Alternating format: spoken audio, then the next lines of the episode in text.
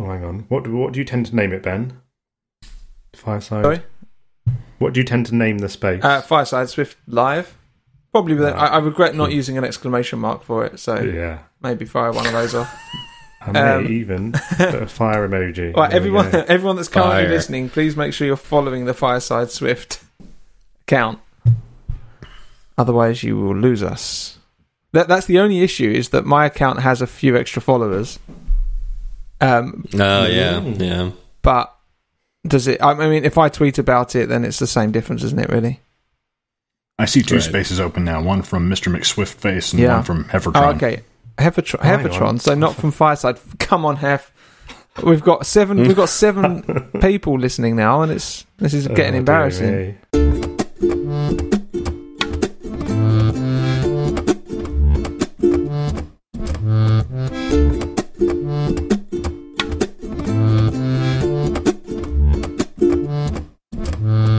Hi, everybody. I'm Jordan. I'm Steve. I'm Chris. And I'm Ben. Welcome to Fireside Swift. Steve, how's it going, buddy? It's good, man. Uh, this uh, this last week, I got my second dose of the Pfizer vaccine, so I am officially fully vaccinated. Um, of course, it takes a couple weeks for it to fully, like you know, get in the system and everything. But Yeah. uh, man, it feels good. It How do you feels feel? How do really you feel good. afterwards? You can install Microsoft Office and you'll be good to go. Right. I know. Yeah. No worries about. I, I could literally use a Windows machine without worry of viruses. You know, uh, at least coronaviruses getting into my machine.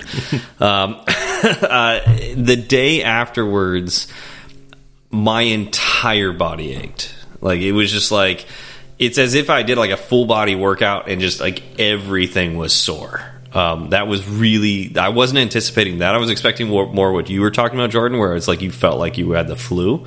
Um, I did feel like I had a little bit of a fever, but that's like the only flu symptom I felt. It was just tired and achy. Aren't aren't like just body aches kind of like a textbook flu syndrome, flu symptom? Oh well, I think of like flu with like the chills, and I guess I, my body doesn't really ache when I have the flu. It's just more like chills and like Chills, uh, not feeling comfortable. T- yeah, fever, nose, stuff like that. And coughing and headache and I guess I had a little bit of a headache. Um, uh, yeah, but I was just like exhausted and just like I felt like everything was sore.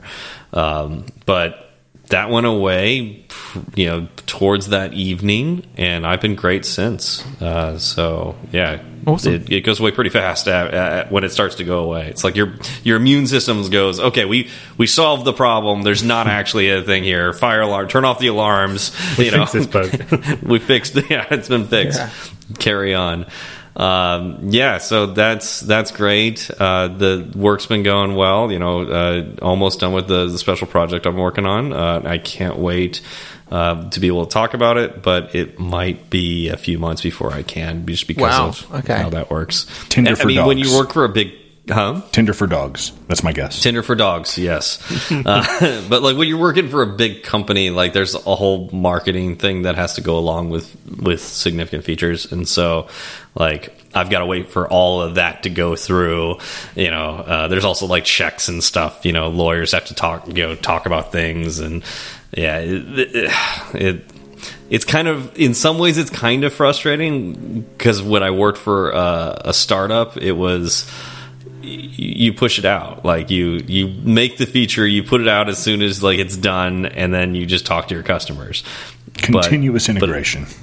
right exactly. Uh, yeah not not so much when you're working for an app that has millions of users. So i don't I, I will talk about it when i when it comes out i'm excited so yeah Awesome. anyways uh how's it going chris Yeah, pretty good. Thank you, Steve. Um, I have not had any vaccine uh, so far. Um, We've not had uh, not reached the bracket for our for our rollout yet in the UK. So I'm 34. So um, I think they've just got to the over 40s here in the UK. So um, getting closer. Um, otherwise, this the last two weeks, um, I've been mostly working on a, a take-home project. I'm currently at a second stage interview for a company here in the UK for an iOS developer role, and um, it's it's it's it's dealing with the YouTube API. I'm trying to think how much I want to go into, but yeah, it's dealing with the YouTube API, um, which I have used previously. Um, it's I've kind of got a little bit of a um, a history with the company that I applied for. So so um, I actually applied for an iOS de- developer role for this company around about two years ago. Um, and I think at the time, quite clearly, I was more just um, I don't know the the best, the best way to say it, but I, I, definitely wasn't ready for an iOS developer job. But I think it was mm. teaching me what I needed to do to what what what experience and things I could do to get a job in this field. Um, mm-hmm. But I, I, made it to to the project stage with with that uh, uh, interview two years ago. Um, however, didn't get past the project stage, which I didn't um, mm. expect to. And I think, but but the person who did the uh, review of the project was really really fantastic. He gave me a ton of really decent feedback, which I you know I think is hugely uh, appreciated. It was really hugely appreciated at the time, and I think it's really really, really valuable. Um, to anybody who's doing interviews. And coincidentally, I then went to Hacking with Swift Live, which was Paul Hudson's very mm. first uh, live conference that he did back in 2019 and I mm. met the person who did the who uh, did the interview with. So we have a, we had a bit of a kind of a relationship um, already, and so actually I messaged I messaged him um, when I saw the job ad um, again come up recently, and um, yeah, he's been really, really helpful, and um, just just said I should go for it. So that's pro- primarily what I've been working on over the last in my spare time over the last. Well, you've done. You mean three hours? Well, of yeah. course, yeah, yeah. Primarily. Well, okay, so what would happen though if you got that job? Isn't your voluntary redundancy up in September? Yeah, absolutely. Yeah. So um, I've been. I think the thing is, is I'm time's ticking. Like when I accepted the redundancy, it was 10 months away. And it's right. now four and a half months away. And I'm thinking that time is just kind of. But would somebody want to hire an engineer that can't start for four months? No, I don't think so. but I think the thing is, is I'm being quite when I have the, the interview with them, like first stage interview, I'm, and also the application stage, I'm very clear that I can't start until this time, and okay. so they're aware of that, and they've said actually what we're looking to do is expand our iOS developer team anyway.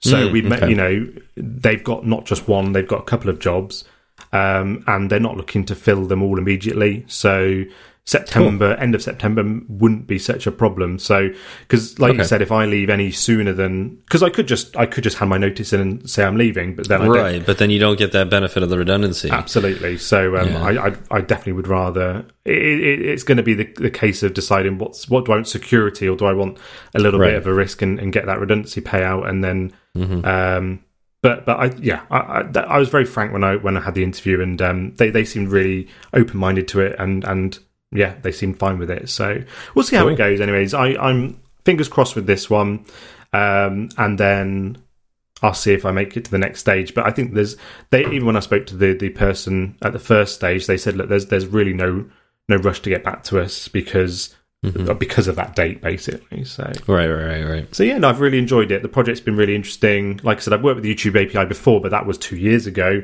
and so mm-hmm. it's been mm-hmm. really interesting to, to look at it again. And um, yeah, really enjoyed putting the project together. Cool. Um. So yeah, that's about it. Really. How about you, Ben? How are you getting on?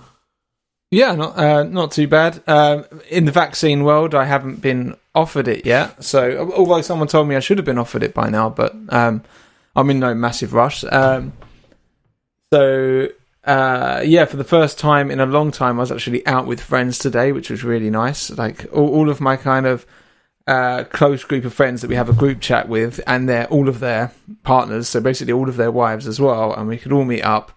Um, outside and and just drink some beer and sit in the sun and play some frisbee with their kids and it was just mm. that was really nice uh, and it's just been it has been so long since I've seen them all in person uh, probably t- yeah two years maybe 2019 I would have seen them all together at once so mm-hmm. it's yeah it's mm-hmm. a big deal um, yeah other than that at work I've just been working on uh, it, I, I've realized I always thought that I might, in my development career, end up kind of as more of a a, real kind of t- like either a tech lead or doing things that weren't so much coding based. And mm-hmm, and mm-hmm. my goodness, we've basically been looking at this same cross, moving over to a cross platform framework for our UI, and I've just hated the process of learning how to do it and and of course with everyone also probably including myself kind of hesitant to want to do it anyway. We want to use UIKit and SwiftUI so it's just been like the last god four six weeks has been looking at this and I've got another two to come. So development wise it's been uh,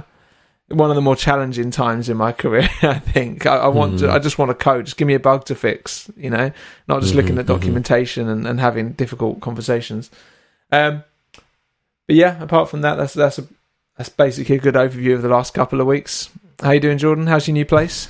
Uh, I'm I'm good, thanks. The new place is uh, slightly less empty than last time we recorded. Most of my furniture is still at the house I'm selling. Um, so I, I still am kind of living out of cardboard boxes, but it's becoming slightly more homey, and we're getting you know getting things fixed up. Half of the house is plastic plastic off right now because there's stain and then polyurethane drying on the wood floors. Uh, nice. um, Nice. and then outside of that, I uh, I uh, I uh, I accepted a job offer. I, I took a job offer, and I'll be starting that next week. So actually, next time we record this, I'll uh, uh, next time we record this, I'll be fresh off my first week at the new job. Nice. Awesome. Excellent. Nice. Congratulations. Thank you. Yeah, that's that's uh, always uh, uh, just going through that time of like looking for a tech job. It's just I don't know. It, I don't know if it's that if it's the particular industry or just all industries in general. When like when you're looking for a job, it's just stressful. It's just Yeah. stressful. I I mean I sure hated it, and I still, although I you know I have accepted this job, I still have there's there's a few applications I've put out that are, are still like in consideration, and I haven't heard back from. So I've still got those those uh, cards are still still on the table. But it is having been offered a job and having accepted it. It's it's a pretty it's a relief. Um, Right. Feel, feels like a feels like a mental and, and maybe emotional load has been has been lifted off of me, and I I now have time to do other things. Um, Right. Yeah, Yeah. that's another thing. Wh- While yeah, while you're applying for all these jobs, it's like you can't do enough. Like you're you're you have to be practicing. You have to be like doing sample projects. You know, and you don't get paid for any of these things. Uh, yeah, in so I mean, what I've experienced, and this is I this is experience is not unique to me because you know from what I've read and seen from other people in the tech world, this is a common thing. But but doing all that and doing so many job applications and just hearing just crickets from from ninety percent of them, it is it's pretty disheartening.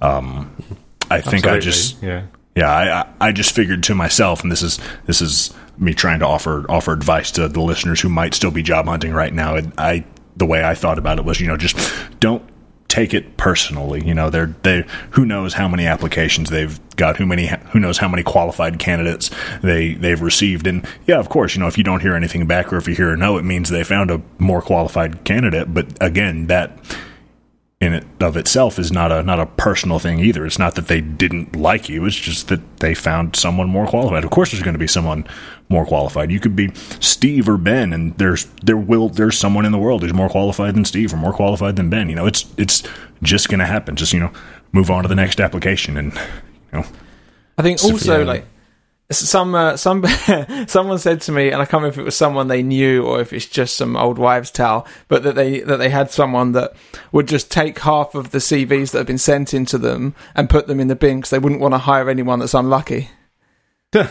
Really? Wait, what?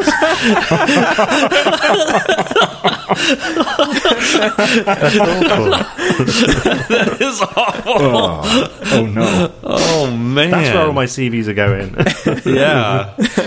Um, well, Zash has been in the chat and has asked uh, if it was an iOS position, but it's not. So can you clarify where it sits in the stack? Yeah, I was actually I was just I was just typing typing a reply, but I'll, I'll yeah I'll, I'll say it aloud. Uh, it's not an iOS position. It is it is an IT position, which you know that that fits uh, with with my background. I come I come from a lot of IT, so it's it's not that developer job that I that I was hunting for, but it's. it's well, it's still a, a, a technical position, and, and I'm I, you know I'm not I'm not giving up yet. Um, yeah, and it's it's adjacent too. It's adjacent. So it's yeah, like, I- IT yeah. is is is is adjacent, and there are there are places within the field of IT that you can take you can take development skills and go. You can go into a place like database administration or DevOps, where you are you are most certainly a developer in those positions. Yeah. You're not doing the same. You know, I, I'm not doing the same thing that you'd be doing, but it's it's a development position that you can Yep. move into. Yeah. Yeah. Yeah. Cool. Yeah, absolutely. Uh, and it, I was going to also point out that I, I, this environment is probably a little different with the job hunt as well. You mentioned like the um, there's always somebody that that's more qualified than you, and it might even be a little worse today since there are so many more remote jobs and so it's like the pool of candidates is much wider than it's ever been for a lot of these positions so uh, and then everybody's kind of getting used to that. Uh, so it's like the, the world hasn't adjusted to it quite yet. Uh, so like that, that's that's another aspect. So yeah don't take it personal and and be patient. And uh, you know it kind of sucks on the other end too. It's like these companies are getting you know way more job applications than before and uh, you know i'm sure they want to reply to everybody i'm sure they want to you know give good feedback like it's amazing chris that you were able to get good feedback uh, from a project because Yeah. uh, you know if You are if always you're get that. Yeah. you can't yeah and it's, it's like it you feel really bad on the other side when you give like five candidates a long project that they spend valuable time on. And they they submit it and you cannot choose all of them.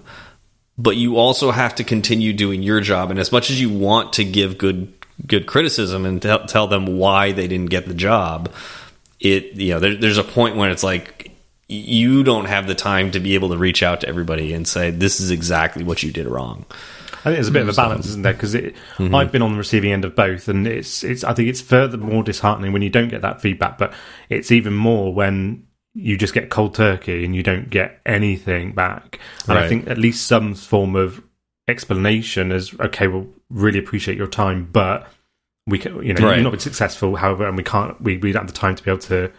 Well, that's probably worded not not nicely either, but but worded in a, in a way to explain that that that point basically. He- hearing something would be would be better than hearing nothing. And unfortunately, it's, Right. it's been my experience over the la- over these last few months that hearing nothing seems to be much more common. Oh yeah it's absolutely more Yeah. common Um, Yeah. but no, yeah, hearing anything would be better than than hearing nothing because then you're you're just you're just wondering. I go back, I can scroll back right now through my list of jobs I've applied for and look at a bunch that I applied for months ago and and, and look at them and, and think, well, I I haven't put red X's next to those yet. Am I still in the running? Who knows? I'll never know. Uh, turns out, Yeah. I did um, just a few weeks ago. It was, you know, it was a couple episodes ago. I received a thanks but no thanks email from a job I had applied for in November. Yeah. I, I, there was one point I, I was really excited to work at a company. It, it was actually like the when I shifted over from uh, working as an electrical engineer for the Navy to working as an iOS developer full time. Um, I had this was the company that that got me to to want to uh, to jump, and so I, I put my application in. At, I ended up not hearing back from them taking a different job, the one I took at Event Farm, and then almost a year later, I got a response from that first company. Wow. It's like, Oh my! Oh wow! and not even for an iOS position, for an Android position. And I was like, "Sorry, guys, I I, I already took a." Different And was the response job." just to ask if you were still interested, or yeah? oh wow, so there you go, Oh, like that's- almost a full year. so it's Are like you yeah, still that interested happens is different. I, I, for a moment, I was imagining them them telling you, "Hey, we've selected you and decided to hire you," and you being like, "Guys, I I took another position nine months ago." Yeah, you should diarize another nine months and then reply. yeah, yeah, Yeah, yeah, that would have been It's just like- amazing. it's like it's like not only were they checking to see if I was interested, they were checking to see if I was interested in a different job. it's like I applied for an iOS position. Oh, no. They're like like, "Oh, are you still interested and by the way, do you want to do Android instead of iOS?" Very strange. yeah. Uh anyways, do we yeah, we we got everybody's updates, didn't we? Um, what do we what do we have for follow up this week? I, I see there's something in the notes here. So What's just- this about? Uh, yeah, just one this week uh, from Joe Cab. Um, not sure if anybody's heard of Joe Cab before, but he he's left us a, a, a link. Um, we spoke last recording regards to the AirTags and the fact I think that one of the use cases that you were looking for, Steve, was um, you were going to put it on your dog. Um, And it seems that Apple actively discouraged to put it on any living thing. So the link that Joe sent here was this.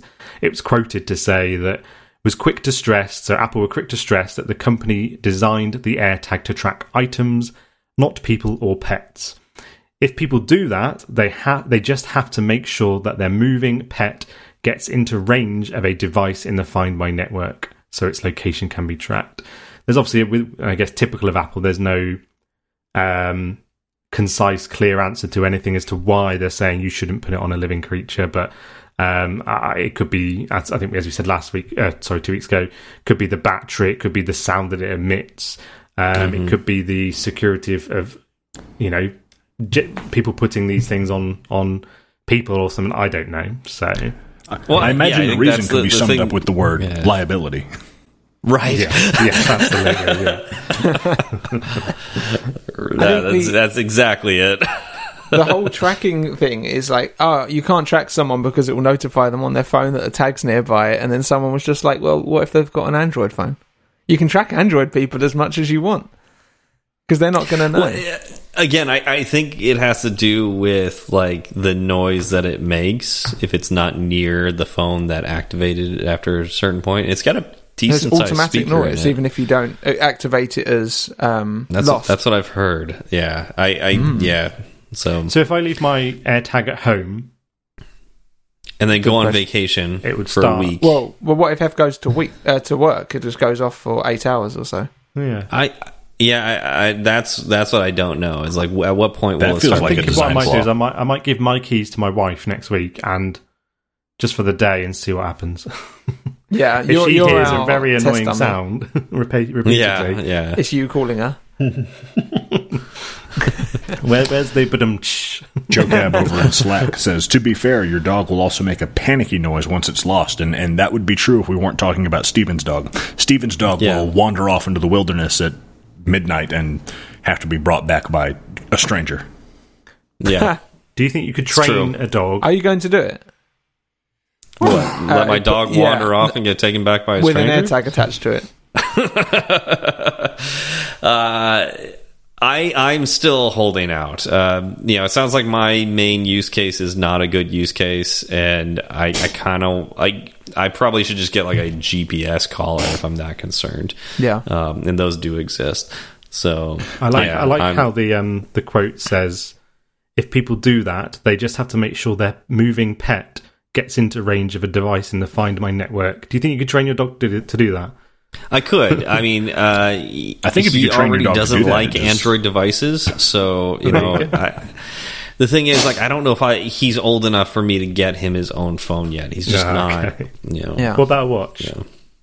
Uh, yeah, that'd be real, that'd be great. Just, like just attach a watch to his leg, I, I lost have it around his um, collar. I lost one of my Powerbeats Pro today. Um, Oh, which, no. which was uh, I, I got to the gym and I'd just been to a sports uh, store beforehand and I realised that I'd left it. It, it, it had just disappeared. I looked all around Hmm. my car, but most importantly, I checked my Bluetooth and it wasn't there. Um, Mm-hmm. So I had to drive uh, like, like another mile or so down the road as fast as I could within the legal li- within, within the uh, legal limits, and um, and I got out the car and as I as I parked, I was looking at my Bluetooth the whole time, not while driving, mm-hmm. and uh, and eventually, and it came up that it was there, and then I mm-hmm. realized on the Find My network, it actually lets you play a sound through it like it does with the mm-hmm. AirPods, and I had no idea that the Powerbeats had this feature as well. But I went outside to go and find it, and it wasn't where I thought it was, but I could still hear the noise. And then I realised the one that was the, the other one that was in my car was also playing the noise, so I thought I was hearing it from that. So I had to go into the car, get that back in, plug it in, came back out, and um, and eventually found it just on the floor on the other side of the road. But I'd obviously come out, I'd popped it into my pocket, taken my keys out, and it had fallen off, and landed in front of this Ah. discount sports store, uh, potentially seventy-five pound headphone just lying on the ground. Um, Yeah. and I was just lucky enough to, to get there and get it in time. But the Find My features worked great. I mean, even though it's not on the proper network, having access Mm-hmm. to it on Bluetooth and being able to ping it if it's nearby saved me, and that was pretty cool. That is pretty cool. I, I did read a review about somebody who tried using the Find My tag on luggage on a a recent trip, and uh, one thing that kind of surprised them was you can't really use the Find My tag on like those luggage carousels because it's moving too fast. So the kind of the way the technology works is like the tag needs to be like almost completely still for it to be found on the Find My So network. is that if you're And- tracking it with your phone to see? Okay. Yeah, Ah. and so it's like if it's going around on the carousel, unless you're really close to it, which so like you're basically already looking at it, it, it like can't find it. It That's just it's moving too fast for it to So you work. probably can't put it on your dog for that reason as well. That's another reason. Yeah, Huh. Interesting. yeah. So little little little interesting tidbit. Anyways, uh, so Ben, Oh, so so uh, Stephen, it's been a while. I've been looking forward So, to this. Yeah, I know you love you love it when I ask you uh, uh, about what what we've been talking about and, and where we're planning on talking about uh, for for this this week's topic. Uh, in fact, do you remember where we ended up with our uh, our app, where we were sending stuff across a, a network uh, using printers and pigeons and and all that? Do you remember where we ended up with that? I'm not going to say I wasn't paying full attention when you were doing it the other time, it but I think I might have been, surprise me if you weren't paying I had a pillow against my head screaming at the time, and that might have been why I wasn't able to hear you.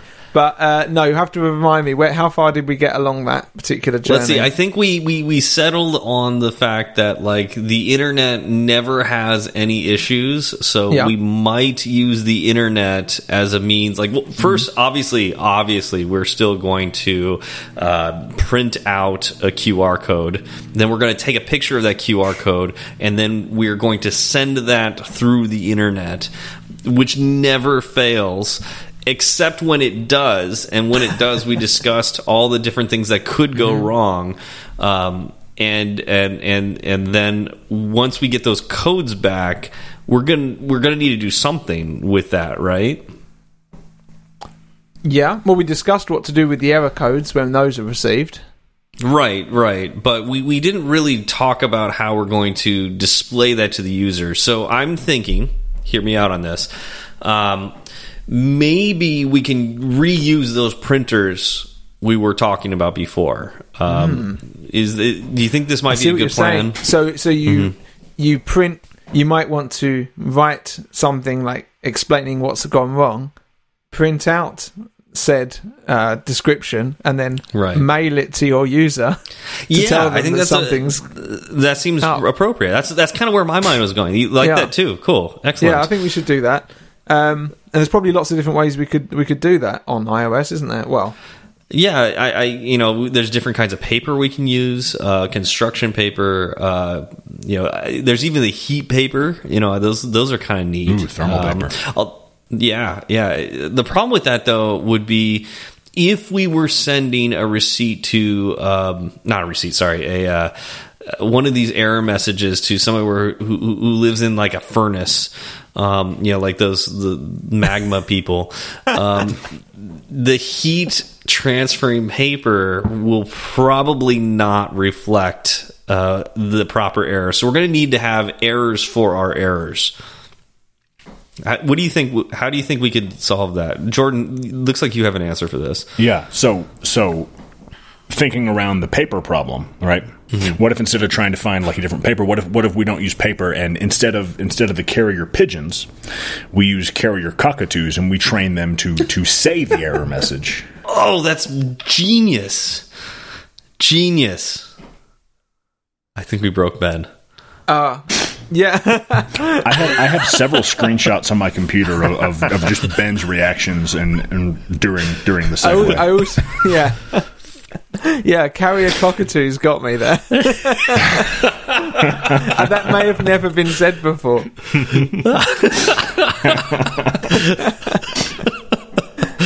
so today we're talking about what you do uh, when you receive an error and actually how you relay that to the user. Yeah, yeah. So yeah, we we we did uh, div- divert our our topic of how to send how to communicate uh, over the network uh, on iOS, and uh, we, we you know last week we we diverted and, and talked about the Apple event because we were super excited about that. Uh, but we're gonna come back. We're coming back. You know, we're coming back to our, our discussion about uh, networking on iOS, and this is this is an important topic. Like you get an error back. You know, how do you tell that to the user? So, um, and I, think this is, this is an interesting topic because some of the strategies are you just don't tell them anything, you know, and then sometimes you need to tell the user. Yeah, and sometimes you need to tell the user something went wrong, and sometimes you you need to tell the user something went wrong, and we need your input on what to do next. So, um, yeah. So, uh, any thoughts on like you know what what are some examples uh, you've seen, Chris, uh, in apps that uh, you know might you know follow some of these strategies? So I think the most, um, I suppose, commonly used one or obvious one to use, and it's definitely one that I've used before in in my apps, is displaying an alert to the to the user. Um, generally using the UI alert controller, um, and then I guess it would then have uh, you usually have a, a title of what the error uh, is, and then the, the, uh, a message which would then explain a bit more detail. So again, going back to like our network request, if it was say, for example, um, couldn't reach the, the the server, it might be something like checking your uh, internet connection. So that could be some a bit more of a detailed description. Um, and then I suppose with the with the UI alert controller, you can then select when you're declaring it. You can select different actions that you want to then take with that. Um, the general one would just be to dismiss it, um, but it, like you said, Steve, it does depend on what we want the user to then to then do. Um, I believe so. There's three um, different styles of um, action that we can provide to the user, and depending on what you want them, them to do, would dictate which one you'd want to, to select. What, what, do you mean by these three different styles of actions? So when um, when one of the properties of um, of uh, UI alert controller um, action is um, style, and there's three styles that you can choose from that. Um, And let's let's be a little more specific Yeah. on this because because action is vague and you know it, it fits with the API of UI Alert Controller. Yeah. But when we're talking to the average person, we don't like the average person doesn't look at the this this rectangle that shows up on their screen and thinks, "Oh, those are the actions."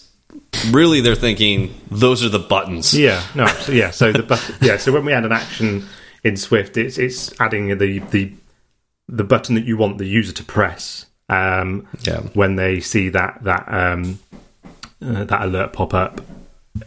and there's like I said, there's three different styles that you can choose from. Um, one being a cancel, um, which generally is just to dismiss the dismiss the alert. Um, the other, I believe, is um, it was default. I think it was so. Default is just a default style. Um, I think it doesn't. I think the the cancel option um, it tends to bold the text that is in that button, whereas the default option is just a uh, it's just a, a button that says. Uh, I mean, you can you can state what the button says. Um, however, it's generally just a, a, a standard. Um, there's no kind of boldness to the, the, the button title or anything like that. It's just a standard default button. Yep. And then destructive is the third um, action style, sorry, and that So it's the Tends most to be- exciting one too. it, it, is. Um, it Yeah. tends to be. I mean, by default, it's red, um, and it also indicates uh, the the action might. It tries to indicate visually, I think, to the user that it might do something negative. So Are you sure you want to erase all settings? exactly Right, Are right, you right. sure you want to erase all settings? Um, But, but I think what's what's interesting about this is uh, this is what's called declarative, uh, a way of of um, you know programming. Because you as the programmer are not deciding that this button is red. You are not deciding that this this button is bolded, this button is blue. That would be what's called imperative programming. You are specifying exactly what it should be and how it should look and how it should respond. Um, this style of programming is you are declaring that this is a destructive button. This is a default button. This is a cancel button. And we are basically putting our trust in Apple and their design team mm-hmm. that no matter what operating, you know, version of the operating system and what paradigm shift for the UI, they will choose the correct design style that fits with the paradigm that we are in right now so the user will understand what I'm trying mm-hmm. to get them to do. and you can be almost certain that obviously it would adhere to the um, human interface guidelines that Apple obviously put together as well. Because you can, you could, you could make a custom alert in some way and, and, and do your own version of it. But um, as you say, if you use the the one that Apple give you, you you know you're you're ticking the boxes in terms of the interface guidelines, etc. Yeah, yeah, yeah, yeah. And I, I, I know that's that's a huge weight lifted off. I know, like as an iOS developer, I I love that we have that. Um, you know, Android doesn't. It, it, it has something similar, but it's not as um, you know nice and standardized as iOS. And it's that's a huge uh, just you know weight lifted from from our minds. It's like as as all we need to do, like we need to inform the user that something went wrong. This is the standard way to do it. Everybody does it. We're all happy with it. you know, uh, it, it, it's easy to actually like you know program that out. If you go full custom, now you have to think am i getting across you know getting my point across the way i intend to and you know what if i uh, localize this to uh, another language that's actually like you know where the language goes uh, right to left instead of left to right you know so that's uh that that's something that you would have to think of yourself and and plan for. You know do you need to swap the buttons? What if red actually means in that country something good that you want to tap? Uh, you know as a positive thing because that is a case in in some countries. Huh. Huh. That is interesting. I, I, yeah yeah I, In- not particularly only in did I china know like that, I hadn't even thought yeah. about that as being something one would have to consider. I think you and Yeah. Zach did an episode about this. Uh, it must have been over 12 months ago now, but um, I remember hearing the same thing, which was, as you say, one. I think I think you were talking about a green tick or something like that. To us, uh, well, to me at least, that that feels that's that's a good thing. You know, it's, green means good, um, but that's because we've been, you know, co- coded. We've been, you know, that's what we're familiar with. Yeah. However, in different countries, that is not gen, not necessarily, sorry, the case. Yeah. Yeah. Yeah. And so it's like allowing this declarative style of interface building um, that takes that off of your mind and, and you know it could be done wrong you know it's possible you know that that you might declare something to be destructive and it's not actually localized appropriately um, or it's not the design that you want it to be exactly for, for it doesn't effectively get your point across and you need to be more bold maybe. Um, and so you may need to go more custom. But uh, in general you know what's nice is apple really does care about these localization things. Really does care about um, getting the point across.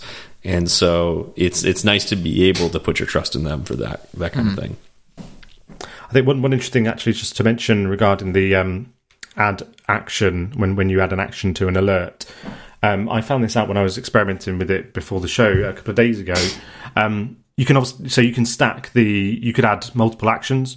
Um, so if you wanted to present a, an error but actually give the user some options as to what they wanted to do to then do next, you can add, you could stack the actions. So you could you could do a couple of um, defaults and a couple of destructive actions. However, one thing I did find, which I didn't know previously, is that you can only declare one cancel um, action. You cannot declare more than one cancel option, and if you do, um, your the app will crash. Yeah, that's Really? So when when you're, it's interesting. You can only do one cancel action. When you're talking about about stacking actions up, are you talking about? Are you? Are you I'm just trying to think about how you would. I mean, I'm having a hard time coming up with a use case. But I'm trying to think about presenting that to to the user. Are you talking about about like stacking modals on top of one another? You know, selecting an option on one modal gives So- them another, or or It, when, when- when it would display the alert, when I say uh, stacking add an action, I, I literally mean that the, you can add multiple buttons to that alert to then ask the user what they'd want to do. So you could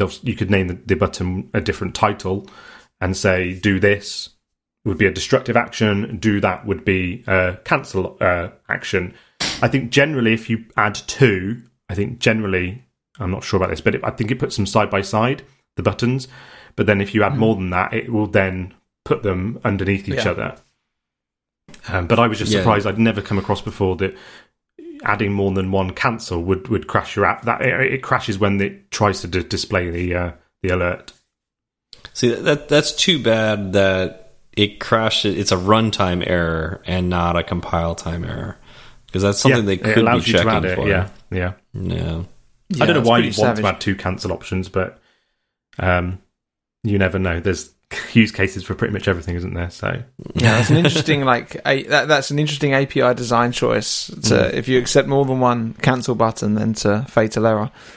That's uh, yeah, that's very interesting. especially since it seems like a, a the the cancel action, the cancel button should be. It seems so so innocuous anyway. Yeah, Like- yeah, like it would always do the same thing. yeah. It would always just Yeah. do nothing. Um, it's interesting. Uh, we had uh, we were rejected by Apple twice last week, and um, the first time was app track app tracking transparency, and that is just making sure that you ask, you know, you tell the user that you're going to um, be tracking them across platforms, uh, as everyone should really know about this at this point. And um, we added that in to a couple of areas where we were subscribing uh, the user to a newsletter, and then that got us through with that. But then the interesting one was the next one, and it was interesting in a way because we actually share the code with the Adidas app and with other apps as well, and they only blocked our app, but they let the other ones all go through. And and what the problem was was they said you've got an alert showing up, which is where it ties into this conversation, and um, you have we basically we tell them why we need to use their user location data, and it's because it's a store finder feature. And you can either mm-hmm. cancel or allow, and when they click allow, it brings up the native pop up, and they can say allow, and we're like, oh yeah, you know that's mm-hmm. fine. They said, mm-hmm. for one, you can't say you're not allowed to say cancel, like like you you can't have a cancel button, and your allow button can't say allow. It needs to say continue or next. And when you think about it, it makes a lot of sense because this pop up, they want to basically be able to control how often you're allowed to request, please give us your location data, please give us your location data. If you've got it native and you can go in and out and cancel yourself, you could hound the user without them knowing, without a- hmm. Apple knowing how many times you've asked. So that makes sense to so remove the cancel button. And then the other button, you're saying allow, and then you can cancel. So it's misleading to the user. You're saying, "Do you want to go forward with this?" Yes, I do. Oh, but you haven't actually done it, and then it's confusing. So they actually they hit us up with that UX change, and um, and I did it. It didn't take long, luckily, but I thought that was an interesting, it's a very thorough review. very thorough. Yeah. Yeah, I, I think the app tracking one uh, is expected. They're probably really hot on it at the moment, but that one, I guess, just while they were there and making sure that our tracking was in place, they also noticed other areas that were uh, missing slightly. Yeah, yeah, that's really interesting. Yeah. Um, Um, well, some okay. So sometimes, and this is for for errors that like are pretty explicit, like um, the user is actively trying to do something, and we send a network request. It fails for whatever reason, and we need to tell the user that that failed, and maybe take some action because of that. Um, but can you think of any cases where maybe the user doesn't need to know? How So- do we? How do you handle that? a, a good example in terms of uh, a use case might be that you're doing a background a background refresh of uh, certain pages and certain features checking for updates. And if that fails, the user doesn't necessarily need to know they can keep working on the current state. And I mean, there's not too much to talk about here because we're, we're actually saying that in this case, we don't want to relay any information to the user. Fail, failing gracefully would just be effectively check. Uh, you you'd be switching on your on the error that you receive, and if you receive the one that you don't care about, then you can then you can ignore that. Or there are certain API calls that you know you don't you just don't want to handle the errors for. Um, usually things that aren't triggered by the user. Most things that if a user wants to do it, you need to tell them, okay, this is why we haven't been able to do what you've done.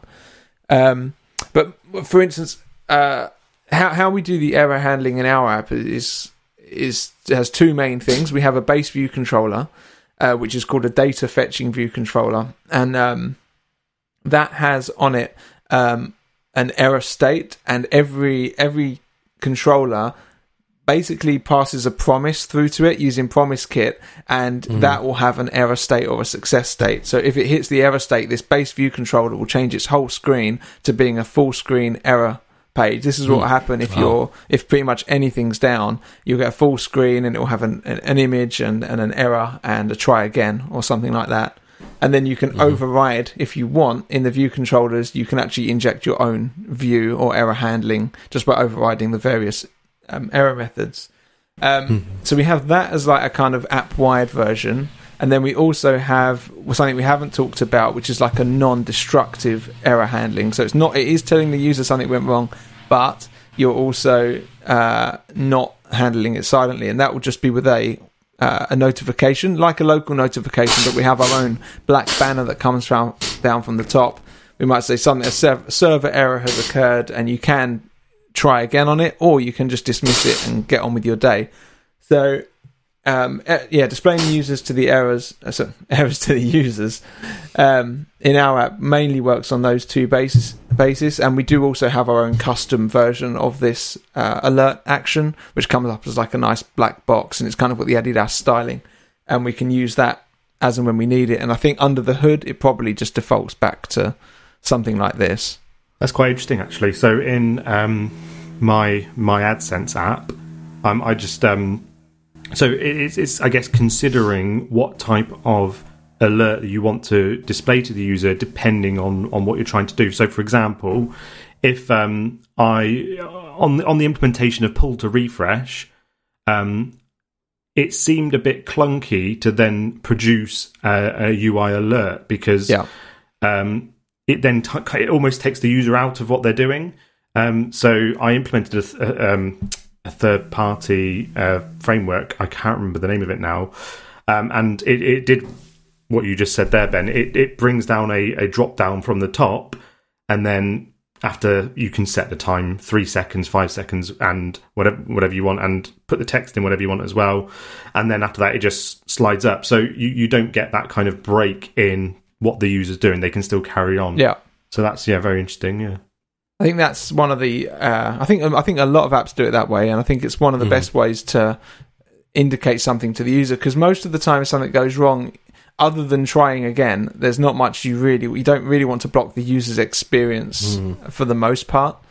Um, yeah, well, we're going to discuss slightly how we. It's probably a too deep a topic, but how we actually get the error from to to the UI um, in a bit rather because uh, in the in the where we've been talking about the alert, we've been talking about it as the UI already has that error. But have we well, already discussed? did, did, we kind of cover that in the the episode on errors? I thought we we talked about how when you did the URL session, you got back your um, response data and error. So it's like that's where we would you know uh, we would get it from the data actually. Yeah. Or, no, the, sorry, the response because the error is like a URL session error. But in general, the errors that we care about is from the uh, the response with the code and potentially there might be data, right, Jordan? Like if there's a very specific um, if there's a very specific error that maybe needs to have like let, us say you need to send a custom message to the user And so we're going to show that alert, and we want to have a very customized message to the user. Yeah, your request sucks, and here's why. Yep, exactly. Uh, you know, you, you don't like for in the case of like something like Tinder, like maybe you don't have enough photos on your profile. And it's like we could say specifically, you have one photo, you need to have three, or whatever. I don't, I, something like that. It can be very contextual to the user, and you could actually get an error back from from the server that has that kind of data to it, and you could, you know, parse that data and then add that to your alert. I think uh, it'd be interesting to talk about, if Hef doesn't mind, how you've done the error in your take home project, which I glanced at but didn't help much. Um, so, uh, yeah, so so what you've created is a is an enum, which is an extension on, uh, or com- how would you say it? It conforms to the error protocol, I think is what it is. and Yeah. then Yep. it has various cases uh, like no, no no connection, no data, that sort of thing. Mm-hmm. And then that's what you would use in a result type. You would use your custom error to pass over, um, pass that into the view controller. Now, there's a couple of considerations which I haven't discussed with you, which are quite interesting. Um, so, firstly, uh, the way you have it at the moment is that each one has its own associated value, I think it's called. So it has a string associated with it, and that string has the, the message.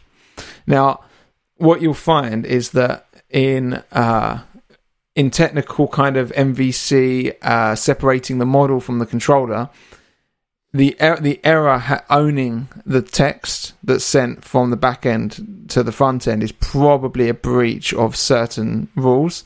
So usually, uh, as a rule, I think you would actually receive a case that the view controller would receive the case, and then that would decide, or a presenter might decide what text that would actually associate itself with. Stephen's nodding, like well, it's it's it's arguable, definitely, but I think as a rule, the uh, the cases don't necessarily own the copy that comes with it. And also the, we, I think the naming of it is so at the moment it's custom error, Yeah, and we could yeah. you could probably change that to be more specific network error or something. I mean, as, as a rule, there's usually a network error Sure, in an app, sure. um, and then that would then encompass all of those. I don't know how the others. So, Stephen, I'd like your thoughts on, on those points. Well, I mean, it sounds like we're getting a little too deep here. This sounds like when, uh, like Zach and I would start talking about specific code. So I don't want to get too deep on like specific code. Um, and you know, I, I do remember that episode, uh, Ben. You and I talked about uh, MVC versus. Um, oh, geez, what was we were talking about MVVM versus Yeah. yeah, or MVP, yeah, I this versus is fair- MVP. like, I think this is an Um, interesting. so it's like to, to say like you know w- uh, this shouldn't ha- hold this and this shouldn't hold that. Uh, it, it gets murky because we're talking different architectures, different styles, and things like that. So to say shouldn't and should, uh, I, I, I'm hesitant to say that you know one way is the right way. It really depends on which architecture you're using and and, and whatnot. I, I know Um, what you're saying, but whether or not yeah. I, I, I feel like uh, whether or not uh, um, a network API should know copy is relatively clean cut. Like it should Yeah, not in any in any of the again, it- architectures. again, if, if you are creating, um, oh gosh, like it, it, uh, because it would have to know about localization. It would have right, right, like- right, right. Like, but but we're we're talking about like a simple app that like you know you just need to get an error across, and this is the only network request that the entire app is making. You know, you don't Right, have yeah. to have a really like separated out, you know, uh, modular API. Um, oh gosh, what do I want to I know- call it? Like, yeah, Uh, yeah, I know what you mean. Like an. A- you've got a separate API service, and yeah, you don't necessarily need an API service if this is the one network call you're making for the app and and whatnot, and so on and so forth. So it's like it really depends on like what kind of app you're making. Um, so I, I'm hesitant to say that like, oh yeah, it, this should definitely be in here and this should definitely be in there, um, and get into to nasty spe- specifics like that because it depends on your use case.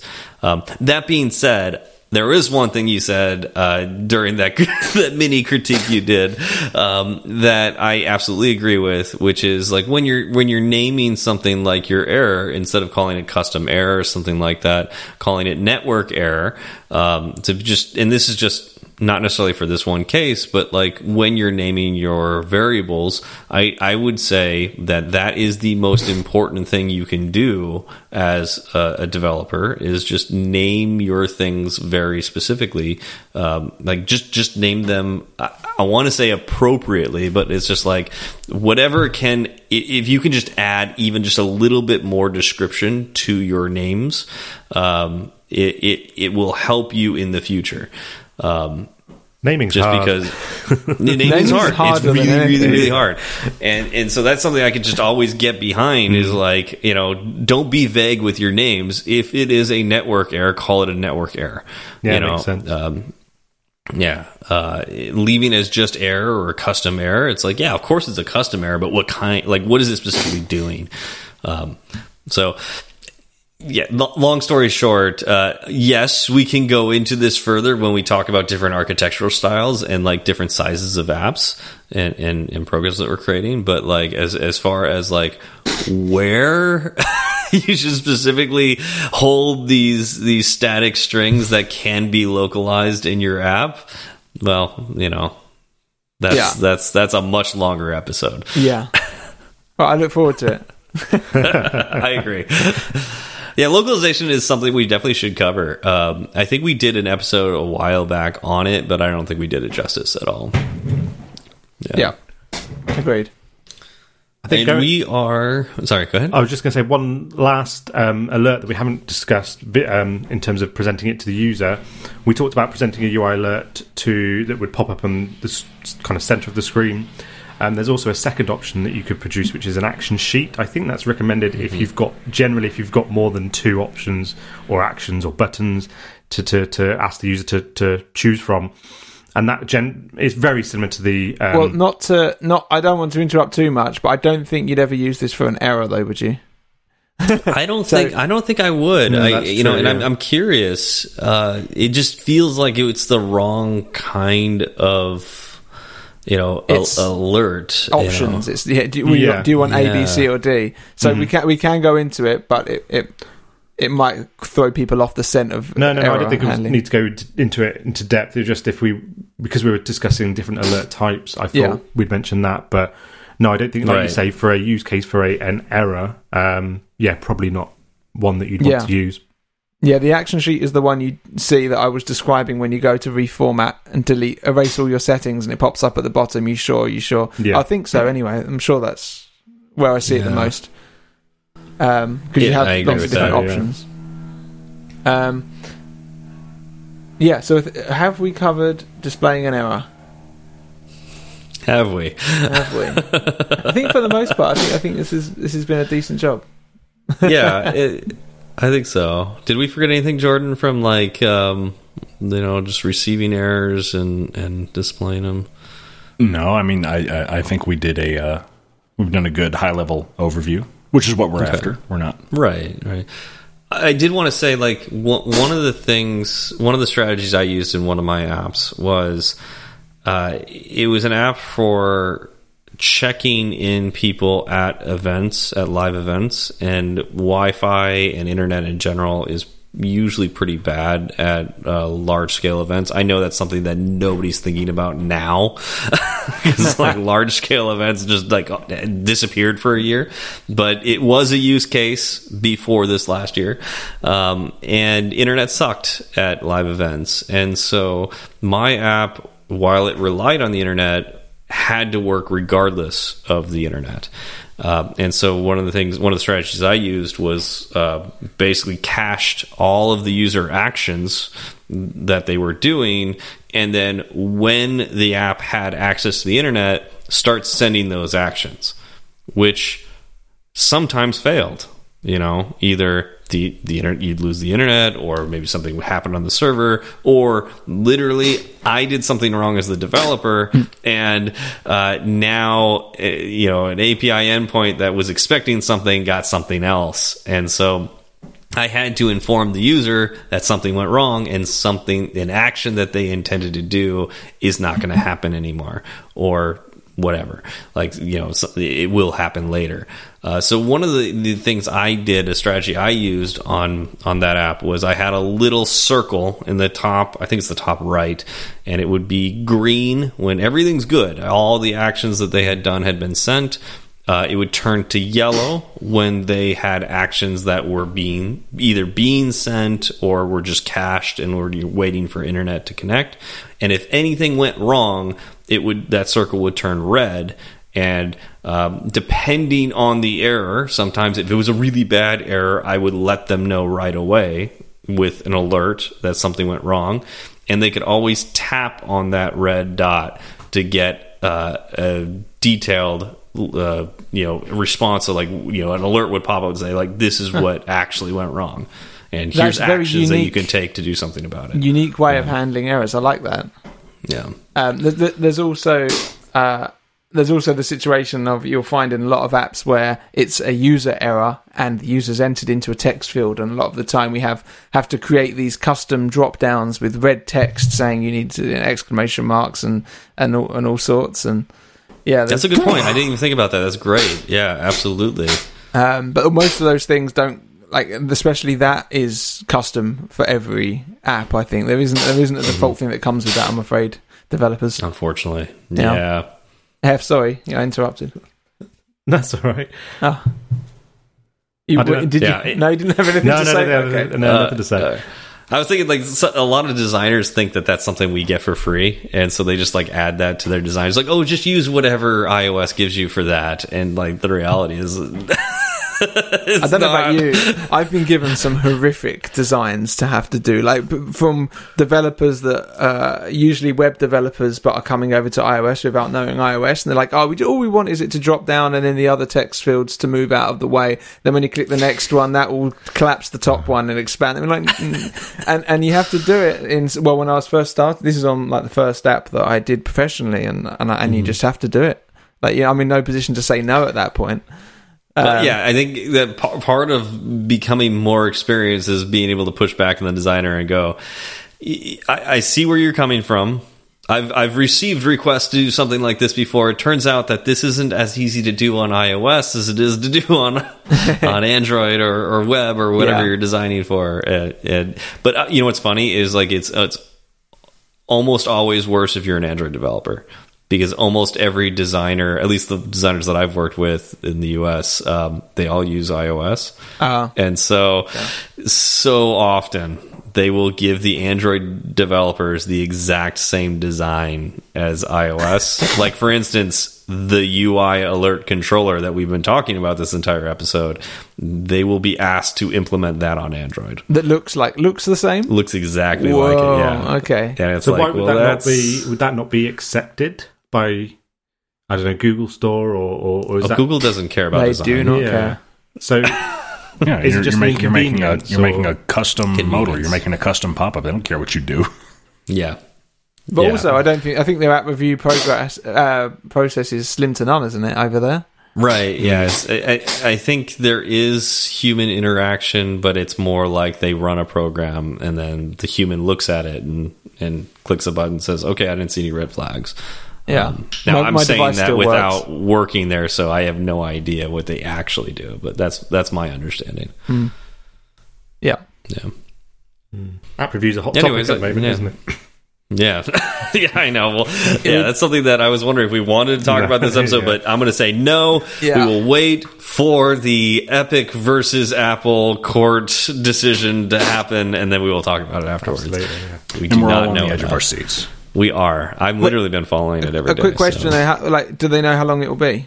Is it open ended? No, no, Okay, I so a don't long time, think we probably. know. Years. Uh, yeah. Okay. All right. Uh, so I think we we uh, we covered what we wanted to cover for this episode. Um, right. So Yeah. I'm not I'm not going to cut anybody off. Okay. Cool. Let's get into shout outs. We have two shout outs uh, from the, since the last episode we recorded. Um, this one uh, comes from Tudlak from Norway. Oh. Uh, great podcast, five stars. Uh, we received this on May seventh. Actually, I should have reversed these because this is, I'm going to read the most recent one, then I'm going to go in the past a little bit. But this is May 7th. Uh, the perfect combination of informal and formal. I learn a lot and have fun at the same time. Great song, too. so there we go. Yeah, Golden it is a great song. Yeah, good golden vibes.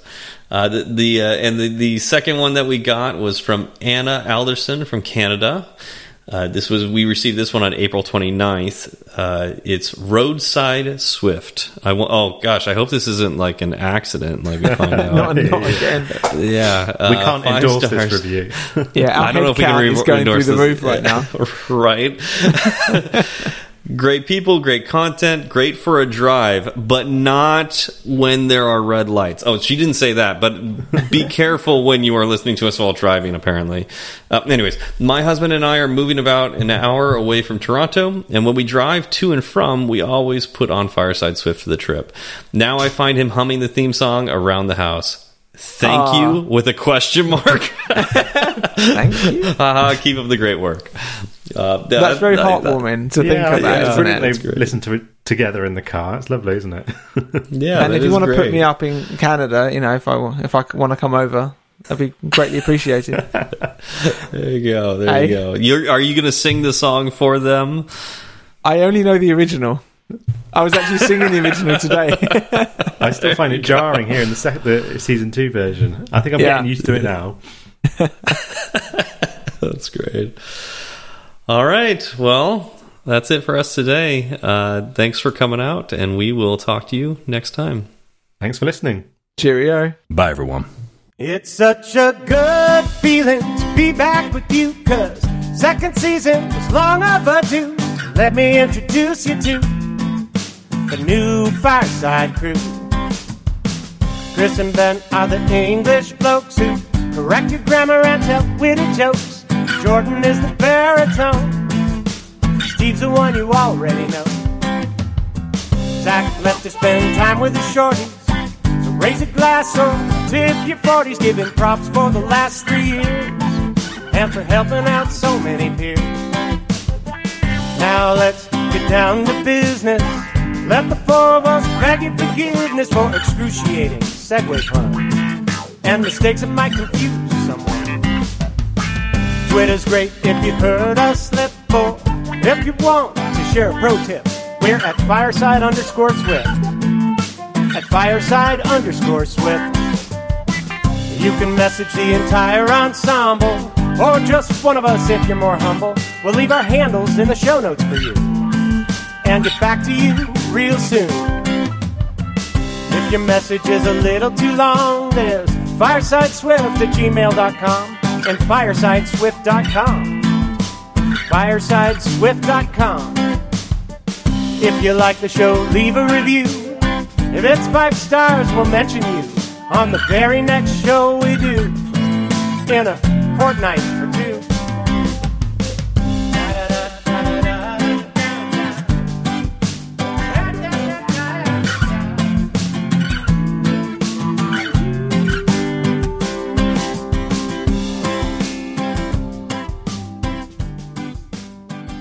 Oh, Hef, I found another one.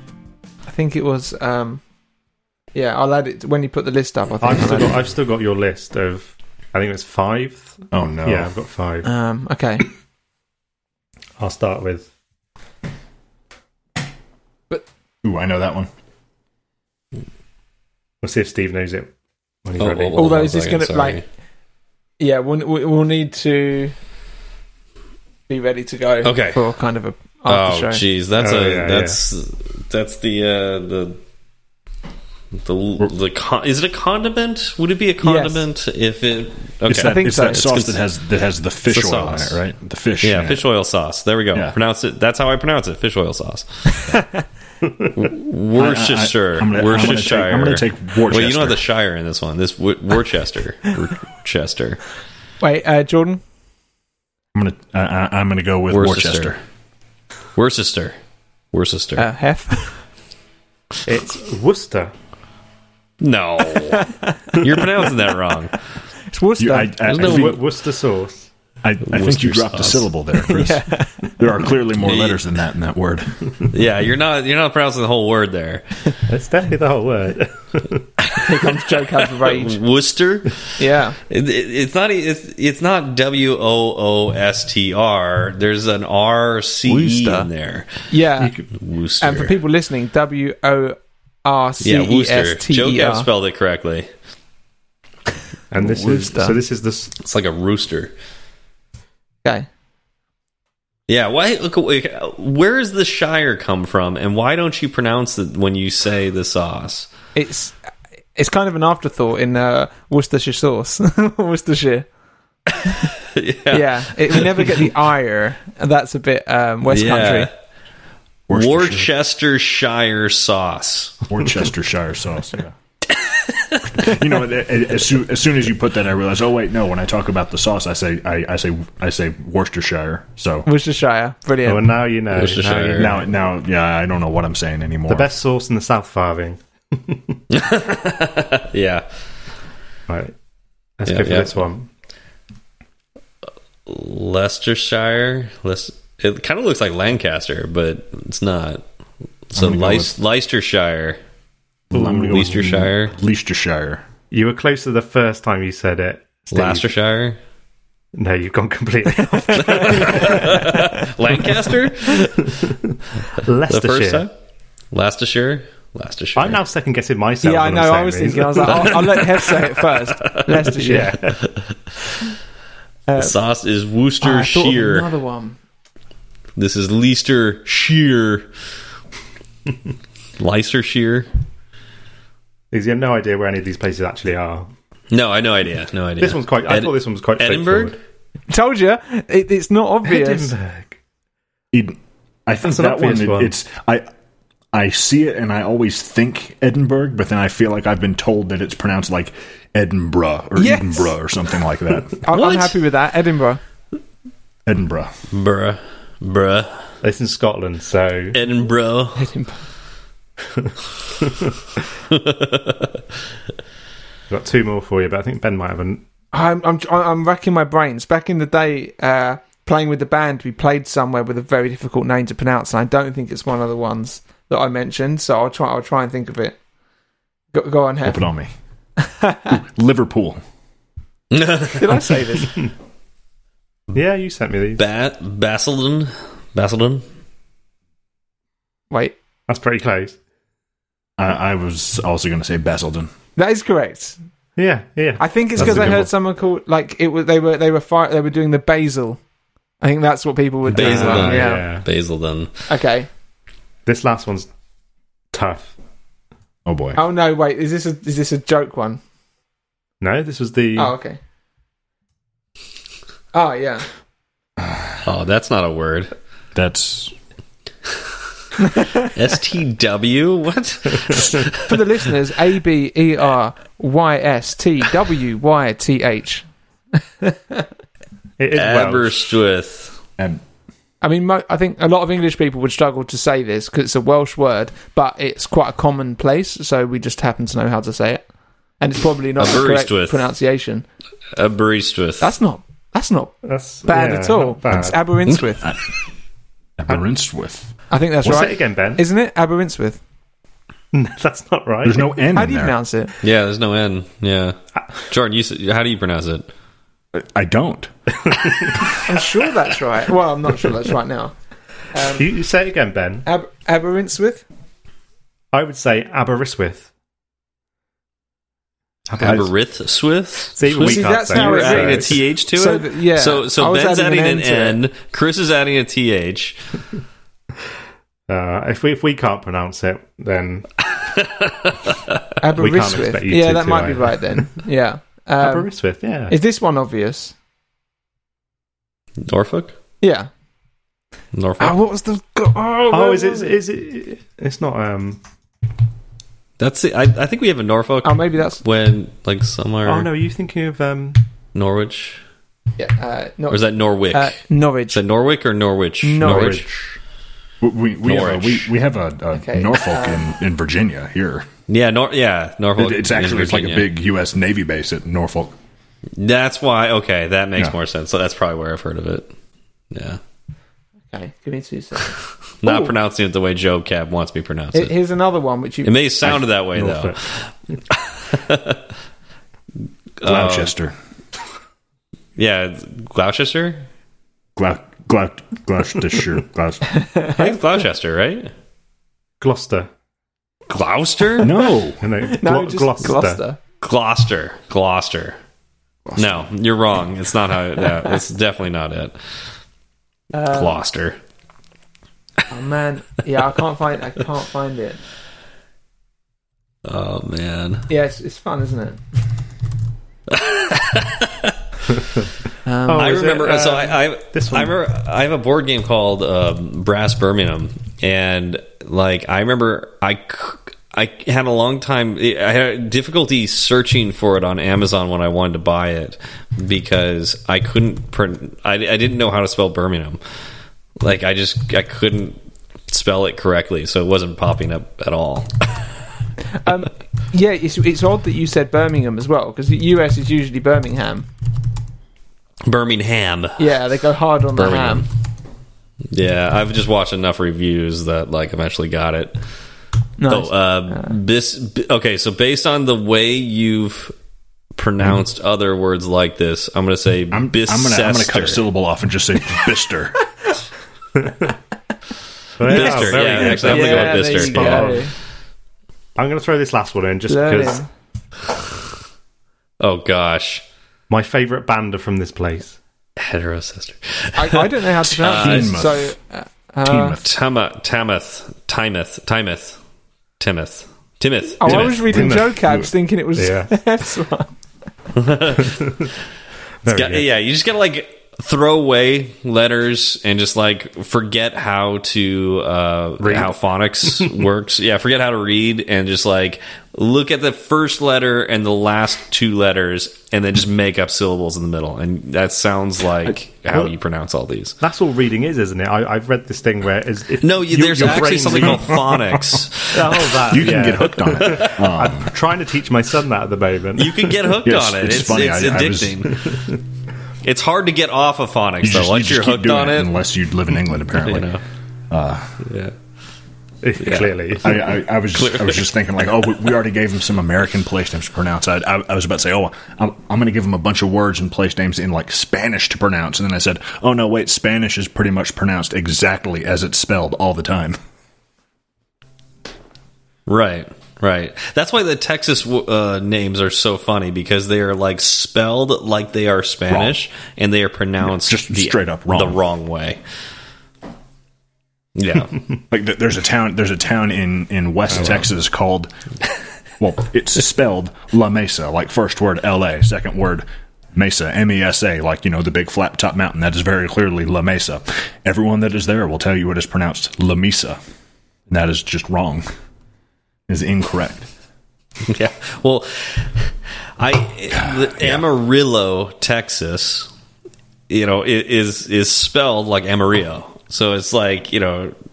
You want to say Amarillo, but it's am Amarillo. because it's in Texas. Actually, I think if you live there, it's not even Amarillo. I think it might be Ama- Amarilla. Amarilla. Amarilla. Yeah, Amarilla. That sounds right. I've uh, And yes, Joe Cab, hooked on phonics is still a thing because once you are hooked, unless you go to rehab, there is no getting off of phonics. it's just not possible. I uh, It's more addicting than meth. I, I've had to message people to ask them what the name of the place was because I remember I remember this gig really well because we overrun their. I, I might get it while thinking about it. We is it overrun on time, and and we were like a we were like a metal band, and like yeah, you know, we're really cool, and um, it was this tiny little place, and um, and they shut the PA off at a certain point. So like mid like mid song, we were like, no, we're going to finish our set. And mid song, they uh, pulled it out, and we and we just carried on with it with people like moshing and that in front of us, and the bouncers at the front of the stage trying to get us off, and we all had and the amps and that were still on. So without just literally with the Yeah. amps and with a raw drum kit and the and the singer just trying to shout over it all. and we, Oh we just like continued the set like that. And uh, and where the hell was it? And it had a good place name. but yeah, that was fun. I never really talk about the band That's a fun- stories. that's a fun. That's a funny story. I, I've, yeah, I think there, there's plenty of uh, uh, wacky things that happened over like seven years of, of touring and random gigs and sleeping in. Uh, uh, it's a bit of a tangent. I don't think I've talked about it before, but there was one moment where we were all quite drunk and we were sleeping in a lay-by by the side of the road. Maybe I did mention this before. And for whatever reason, people had decided to throw some bottles, and I threw a bottle uh, in the air, and it was going to come down on my head because it went straight up. So I ran away. It was pitch black. We were really drunk. I, I ran into what I thought was a field, and it turned out to be a big ditch. and I kind of flew off the edge head first, landed on my back uh, completely just dazed and confused, just covered in like the most disgusting imaginable like water and kind of sewagey stuff like that because it's right at the edge of a lay-by so everyone just dumps into it and then i had to climb back out and uh to climb out it was just stinging nettles all around the side so Oh, God. I, Oh my god! I was holding on to stinging nettles to pull myself up uh, up to the side, and then everyone was annoyed at me that I ran off and didn't like give anyone any warning that I'd thrown something in that direction. Um, yeah, and I uh, I spent the um, the rest of the next day. They kind of drove me to the nearest town, and I had to wear just some of their old clothes while I sat in a washing machine. Uh, place and washed all my manky clothes. Oh, and I What lost my phone. My phone fell out my pocket, and I think at the time it was like my new Nokia color screen. You know, it was a, it was a Yeah, good phone yeah. to have, and I completely lost it. It was just left in the ditch. Oh my god! What age bracket were you when you were like touring and stuff? Uh, between eighteen and twenty five, I think. About like it's quite a significant portion of my life. Yeah, yeah. That's a great story. Yeah, thanks. it wasn't a good time. That's awesome. oh man. There's something you said. Like I did hang out with my friend's band for a little bit. Um, that's an interesting life because most of your day you're either traveling or doing nothing because you've done your sound check and you just have to wait for the actual show to occur later. And Yeah. so there's just a lot of downtime and you're just bored and I, it- we would do like the craziest things like we would just like make houses out of straws at the nearest like fast food restaurant or like go to the nearest library and play freeze tag without them catching us Just in the Or, you know, library. like weird yeah yeah you just like do the weirdest things because you just like you have all of this time and Yeah. nothing to do No, and not no much money. money. Yeah, yeah. You've got hmm. no, yeah. Yeah. barely any money and nothing. Yeah, to so you're just trying to keep yourself entertained. You know, it, it, I kind of get now how like some of these bands that you know had money, uh, you know, be in a hotel and think it's funny to like staple the uh, the furniture to the ceiling and. You know, I, I could see I could see a band doing that because you just get so bored. Yeah, Yeah. If you're doing it year after year, and uh, yeah, maybe maybe uh, I could go on forever really talking about it. So let's uh, save some stories for another episode. I think. I, I don't know. I think it's great to have at least some of these stories for an after show. Yeah, I never get to talk about it really. Like it's it's just a thing that happens. It's like it's happened to someone else. Really, like, I haven't picked up a guitar in And you quite were some in a, time. you were in a hardcover band, Um, right? I, I wish. Um, yeah, it was it was weird. Like we won, like there was, there was one strange gig that we somehow ended up with our trousers round our ankles while we were on stage. Like all of us. What? And I, I think what happened was that we turned up and there was like no promotion and no one there. And we were in we were kind of near you Hef. We were kind of in the Bournemouth Plymouth area, a bit further along, and um, and it was just us and the barmaid. And I don't know if she was attractive or something, but one thing led to another, and we were all yeah, just half clothed. It was her very request. strange. Well, hold on, hold on, Ben. Does your Uh, wife listen to this show? Maybe I don't know. I think she enjoyed it. She'd never listened to this show. she's, she's got a life. That's a long time ago. That's funny. Oh man. Anyway.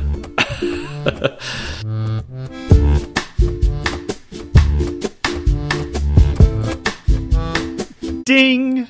That's for that's for Mr. Mc- McSwiftface.